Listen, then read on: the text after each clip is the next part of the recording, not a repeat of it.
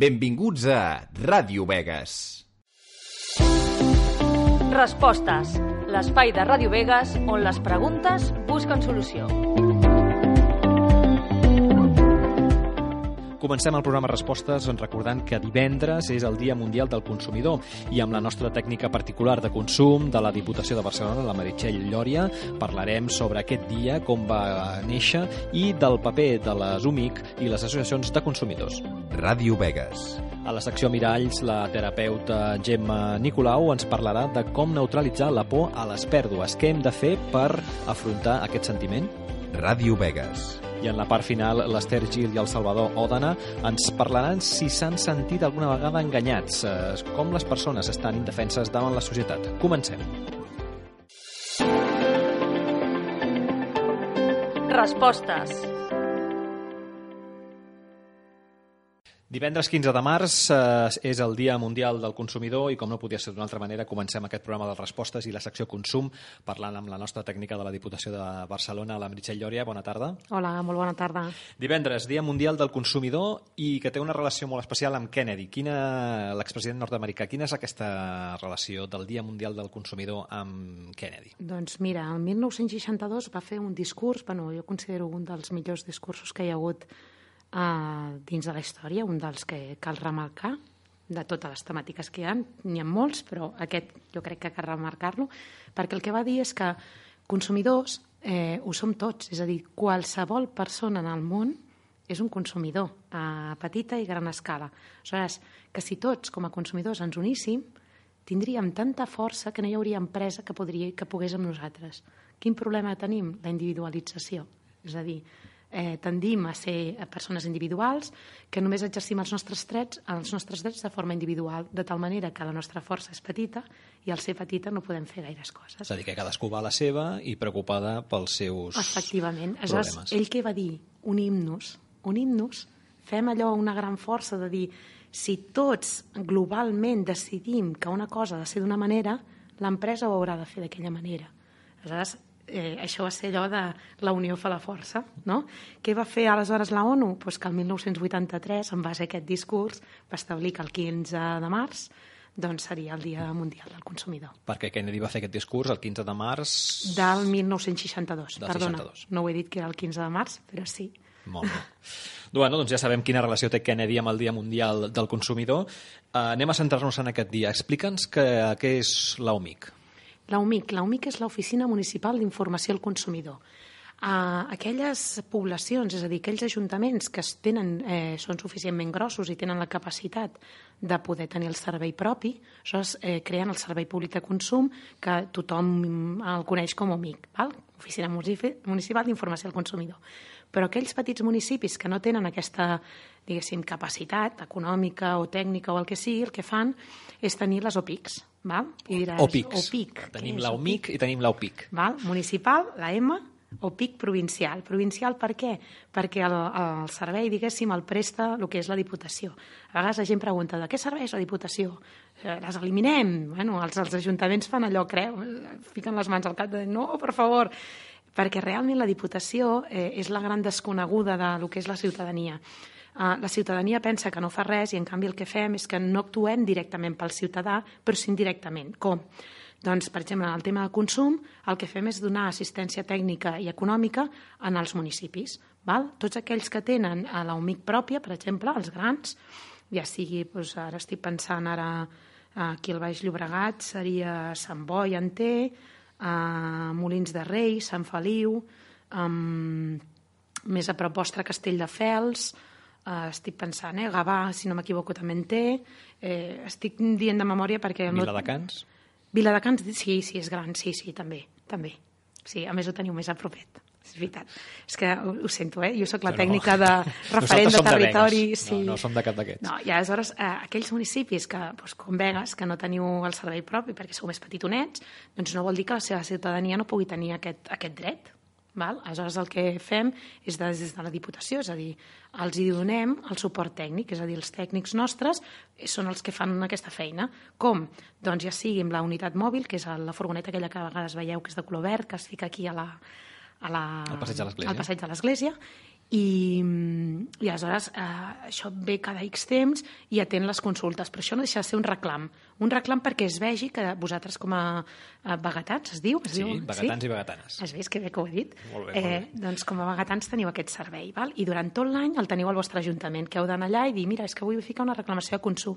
Us dirigeixen al departament que ho porta, i aleshores us omplen com una instància que us demanen doncs, bueno, totes les dades personals que necessitem. Sempre eh, rec- recordeu que heu de portar les factures, tot el que necessitem per poder treballar, i aleshores expliqueu què us ha passat i què demaneu. I a partir d'aquí, des de Diputació, que és qui, eh, diguéssim, gestionem realment aquella reclamació, us trucarem i parlarem amb vosaltres per veure què hem de fer. Aleshores, a part d'això, doncs, em diràs, mm, tenim les, eh, ja dic, les OPICs, les OMICs, però fem molta més cosa, vull dir, darrere del que és el servei de consum o, o de tot el dia mundial, doncs hi ha eh, tot el tema de... Um, fem, ja et dic, informem dels drets, uh, fem activitats de sensibilització, fem inspeccions, fem formació, com, doncs, per exemple, a l'escola, ara farà res, em sembla que va ser l'escola del Bosc, es va fer un taller P5 que es deia La joguina no juga. I aleshores eh, diràs en què consisteix P5, no? 5 Sí, anys. són molt petitets, no? Són petitonets, sí. Doncs a P5 bàsicament es, es fa un taller com, com si fóssim una botiga, una botiga de poble, en el qual els nens venen a comprar, val?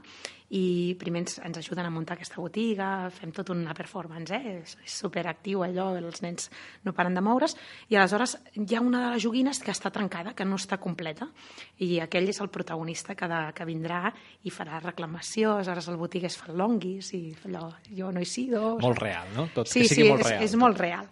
Però clar, els hi fem portar el tiquet, els hi fem portar, és a dir, sense el tiquet, mm, que a vegades se'l deixen a la taula, doncs els hi diem que allà no s'ha comprat, que no és d'allà.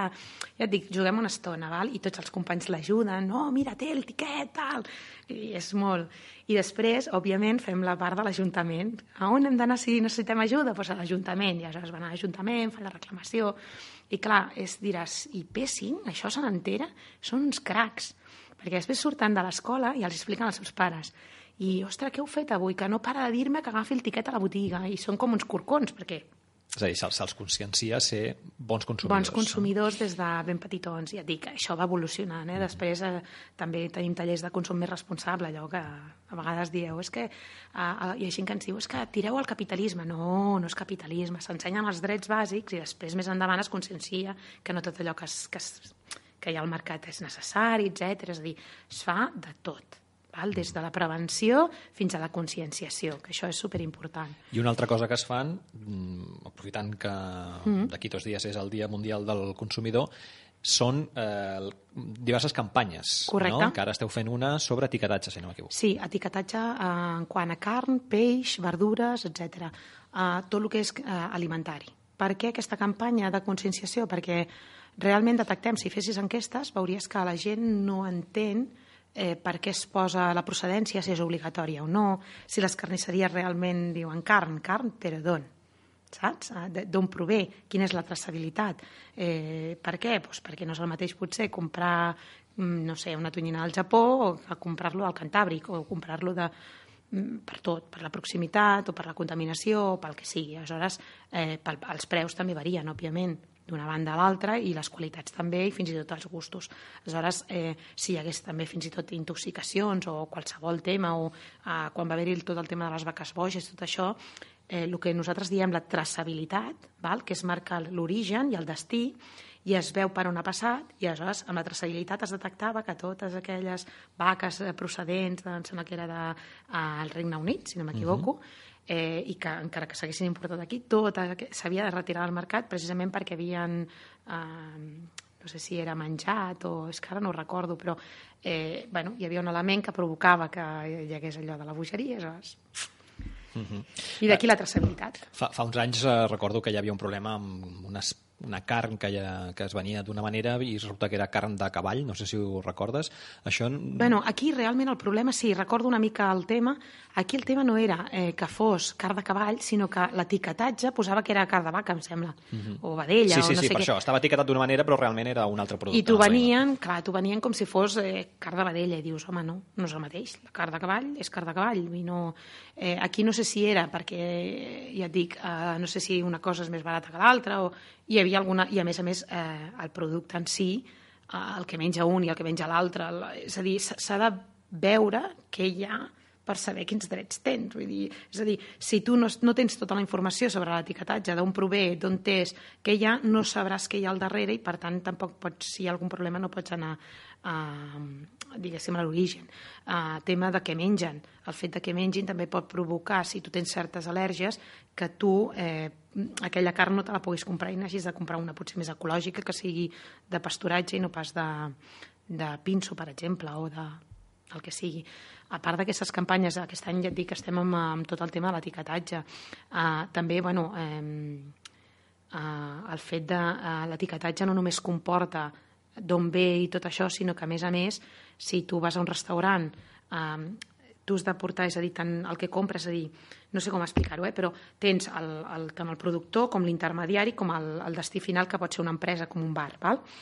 Si tu en tot moment li poses, eh, eh, si hi ha hagut alguna manipulació pel mig, val? ja sigui, per exemple, si hi ha hagut una, si és carn però és carn de vedella i acaba sent eh, mandonguilles amb suc, val? aquest final tu no saps què li has posat a les mandonguilles amb suc que, va, que vendràs finalment al consumidor. Val? Aleshores, dintre d'aquest etiquetatge haurà d'haver-hi quins al·lèrgens, per exemple, té. Si tu no, no pots saber què hi ha, tu pots ficar els ingredients, però has de saber si dintre d'aquells ingredients hi ha alguna cosa, hi ha un sulfit, si has fet servir, per exemple, vi, diràs, ostres, unes mandonguilles... Sí, però és que el vi porta sulfits i potser, potser hi ha algú que no pensa que aquelles mandonguilles puguin portar vi i que sigui al·lèrgic als sulfits i això li provoqui que...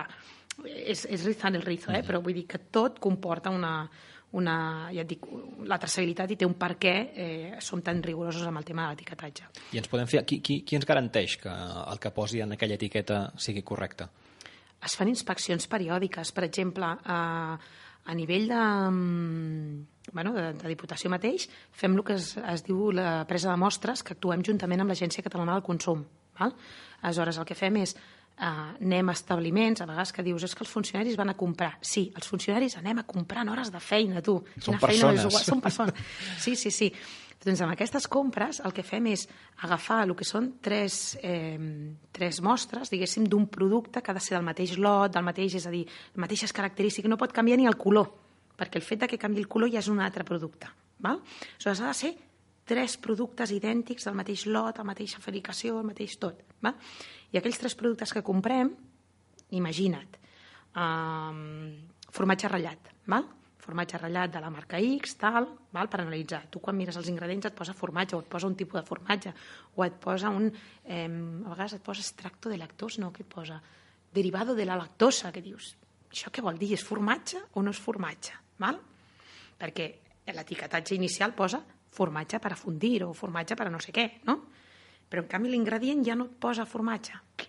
Aquí hi ha alguna Què cosa. Val? Aleshores, què fem amb aquestes proves? Doncs pues això, agafem tres. Per què tres? Perquè eh, fem tres proves, realment.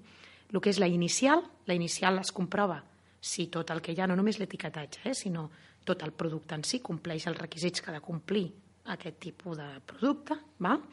Perquè cada, cada producte té la seva normativa. Eh? Vull dir que això, és un... això ho fan els laboratoris. Aquí ja el tècnic de consum fa la compra, mira, fa l'acte, tot el que comporta, tot el que veu inicialment, si es troba, etc. però després hi ha l'anàlisi de laboratori.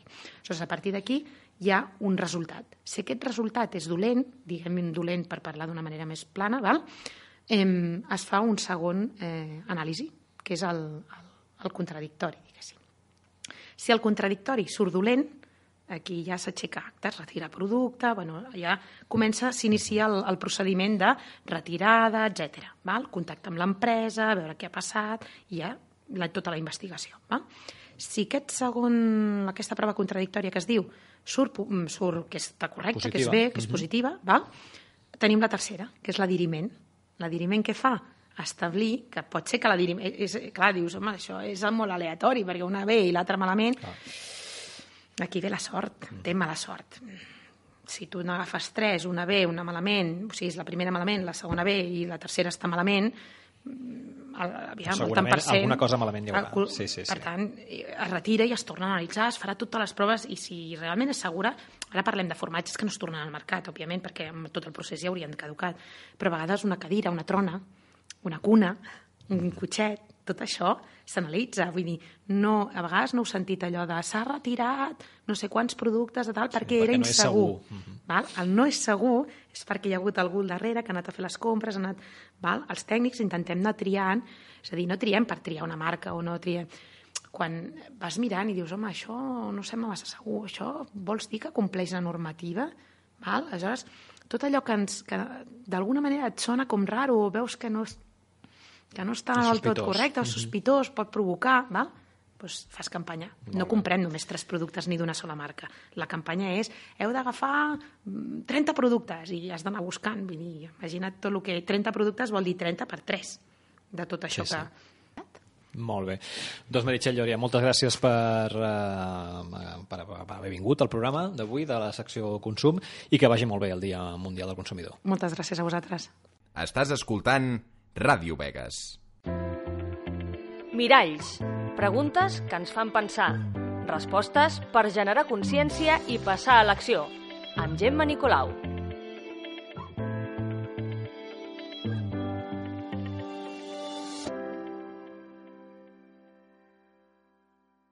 Hola a tots, ens trobem de nou a la secció Miralls i aquest cop us parlaré de les diferents emocions que tenim davant d'una pèrdua. Ens trobem amb tres emocions bàsiques, que és la por, la tristesa i la ràbia. Llavors, al llarg d'aquestes properes seccions, us aniré desglosant com podem gestionar cada una d'aquestes emocions, que, com veureu, no és només lligat a les pèrdues, sinó que en el nostre dia a dia són emocions que, que tenim molt present. Avui us parlaré de l'emoció de la por. És una emoció que tots experimentem davant de situacions de pèrdua, o sigui, davant de qualsevol canvi. Hi pot haver-hi la por a viure sense tu, la por a no tenir diners, la por a no en sortir-me'n, la por a fallar-te, la por al que diran o què pensaran, la por a dir el que penso, i la llista es pot allargar infinitament, ja que estem en continu canvi, i això implica estar exposat contínuament a la possibilitat de perdre coses, situacions, persones, ideals. D'aquí la importància de conèixer l'emoció de la por i aprendre a gestionar-la. La por és una, una emoció saludable i útil, que ens porta a poder protegir-nos i que gràcies a ella estem vius. És una emoció molt forta i ancestral que o bé ens impulsa a favor nostre o bé ens frena en contra nostra. I això què vol dir? Doncs que la por en determinats moments ens limita i no ens permet aconseguir els nostres objectius. És com una paret que no ens deixa veure què hi ha a l'altre costat i ens ofereix tota una sèrie d'arguments per mantenir-nos quiets i no passar a l'acció per aconseguir allò que volem. Per un altre costat, ens impulsa, ens motiva, ens desperta i activa totes les nostres capacitats per poder buscar altres camins, altres opcions que sí que ens funcionin i que ens permetin passar a l'acció.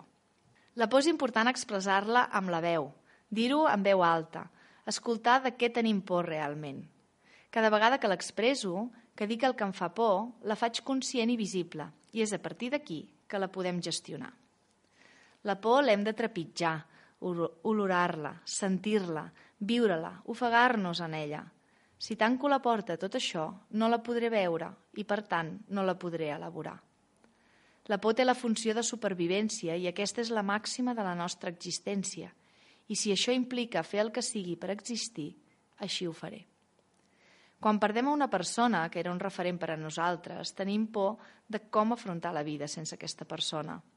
També tenim por de perdre estatus social, els diners, la parella, els ideals, i una veueta es desperta dins nostre dient-nos que alguna cosa no hem fet bé, per això ho hem perdut. I en aquest moment és quan apareix la culpa. Us ressonaran algunes frases del tipus si hagués fet alguna cosa, si ho hagués sabut, si hagués pres una altra decisió, si li hagués fet cas, si no hagués pensat només en mi. Tot això crea una incertesa interna que augmenta l'emoció de la por i, com a conseqüència, la manera que tenim d'afrontar-la. I davant de tot això, què podem fer? Doncs el primer de tot és aprendre de la por i ser curiosos. Podem preguntar-li a la por de què tinc por. Aquesta pregunta ens ajuda a agafar distància vers la por i poder així començar a mirar-la com una oportunitat, com un impuls de vida i no com una limitació i un fre. Us en posaré un exemple. Imagineu-vos que us trobeu a un conegut pel carrer. Li posarem un nom, per exemple, en Sergi. De manera informal, comenceu a parlar de la vida en general, res en concret. Entremig de la conversa, en Sergi diu Uf, jo porto una temporada que amb tant estrès estic fatal de l'esquena. Tot el dia amunt i avall i només per pagar factures. Però el que més por em fa és què passarà quan em vagi fent més gran perquè l'edat també es nota. Una possible resposta podria ser Sí, noi, avui dia tots anem així. O bé, home, però encara falta molt fins que no siguem grans, de moment estem a la flor de la vida. I una altra resposta podria ser doncs jo també ho penso, però mira, m'estimo més no pensar-hi i ja ens ho anirem trobant. Fixeu-vos com de manera inconscient ens apareixen diferents mecanismes per fugir de la situació que ens fa por. I què és el que realment li fa por a en Sergi? Possiblement el que li fa por a en Sergi és que la situació d'estrès que viu no el deixa gaudir de la vida i s'adona que els anys passen i no sap si se'n podran sortir més endavant. Una manera d'acompanyar-lo és que en sigui conscient i li podem dir Bé, l'important és que t'adones que tens por. Per tant, això et permet buscar una solució ara, en el present, per tal de trobar la manera de protegir-te. A més, em comentes que et fa mal l'esquena? L'esquena és l'estructura que ens sosté. Per tant, tens l'oportunitat de revisar com està la teva estructura de vida i poder valorar si encaixa amb el que vols per poder fer els canvis que necessitis i adequar-la a l'estructura que vols i tries. Com podeu veure, entrar dins de la por i estimar-la la fa més senzilla i ens permet conviure amb ella, créixer i reformular-nos. La por és universal. És una emoció que es projecta cap al futur i no cap al passat, tot i que l'experiència del passat pot intensificar l'emoció de la por degut a la projecció futura, a l'entrar en la incertesa del que esdevindrà. D'aquí la importància de donar-li un espai en el present i poder gestionar-la de la millor manera per a mi, aquí i ara. Ens veiem la propera setmana parlant de la tristesa i la ràbia. Adeu.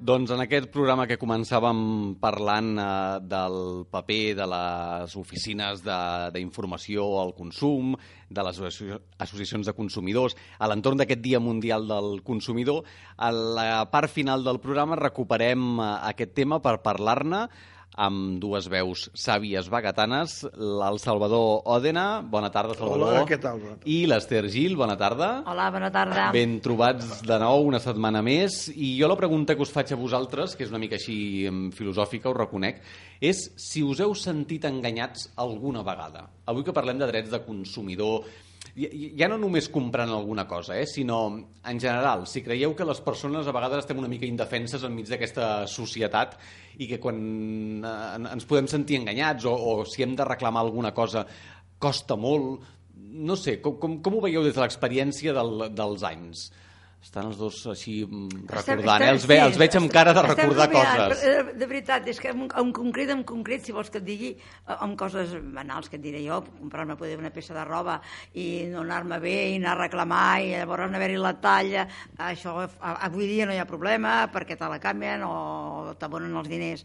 Però fa uns anys enrere, doncs sí, era un problema, no tornaven els diners mai en lloc, va començar el Corte Inglés, que mm -hmm. això va ser l'aventura, tothom vam anar al Corte Inglés i tindre problemes i no haver manera i no fer-me el, el comprovant corresponent per poder tornar una altra vegada amb peces de roba i coses així, amb coses més importants, de, de més diners, potser sí, en aquest moment, potser, segurament, eh? perquè a la, a la vida et passen coses que a vegades no, no pares atenció i se t'obliden. Aniré rumiant mentre... mentre, mentre el Salvador, el xerra. Parla, sí. Uh, uh, bueno, jo parlaré així amb el dia a dia, el, el petit engany aquest que errors de, de, de quan vas a comprar i, mm. i compres una cosa quan obres no està bé o que està caducada o que està eh, no sé, mal, mal etiquetada i has comprat una cosa per l'altra el, que, el que en trobo quan ho reclamo a la dependenta, a l'encarregat és que tu no tens mai raó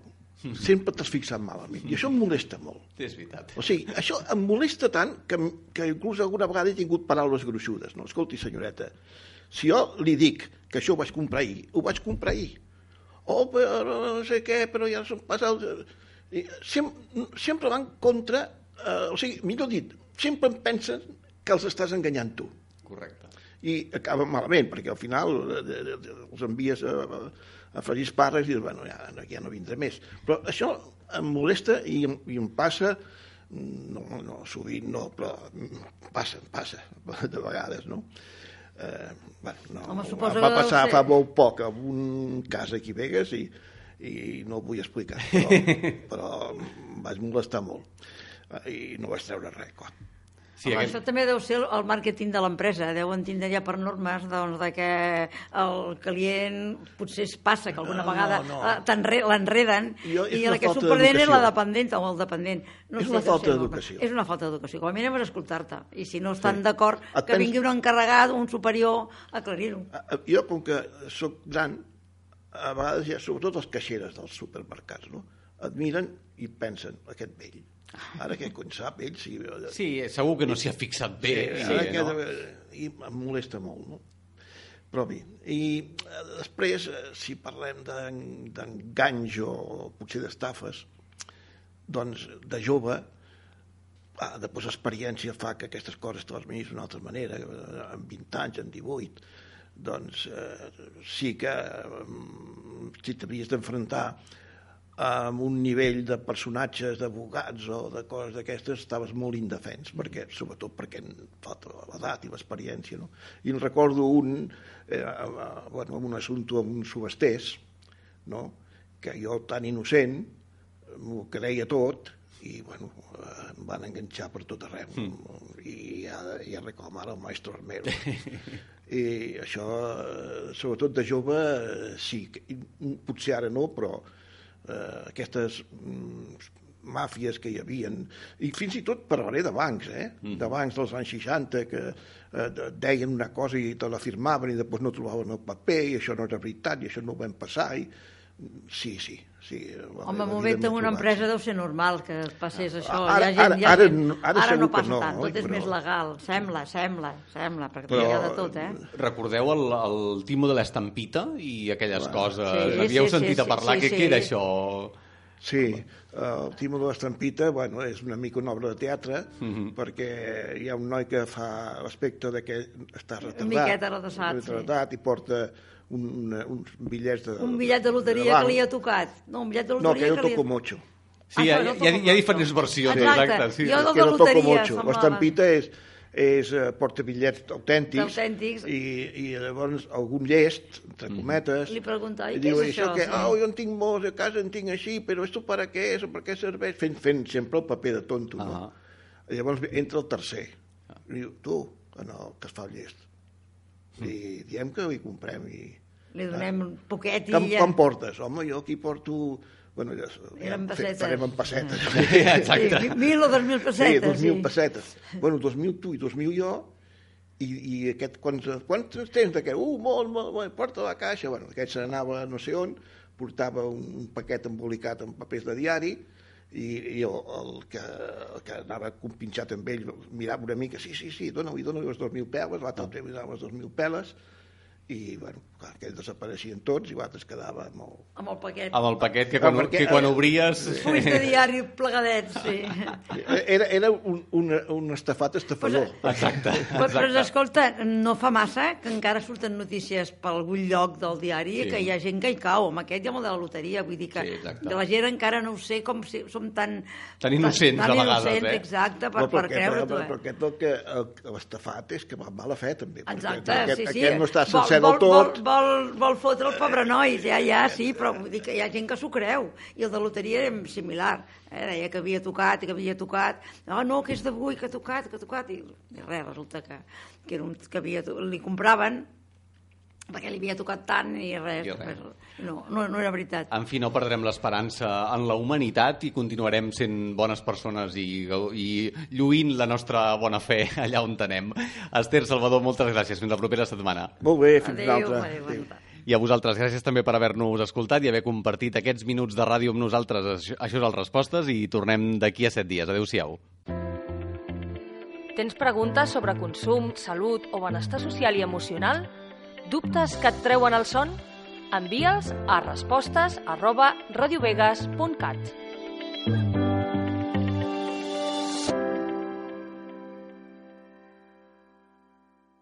Ràdio Vegas, la veu vegetana.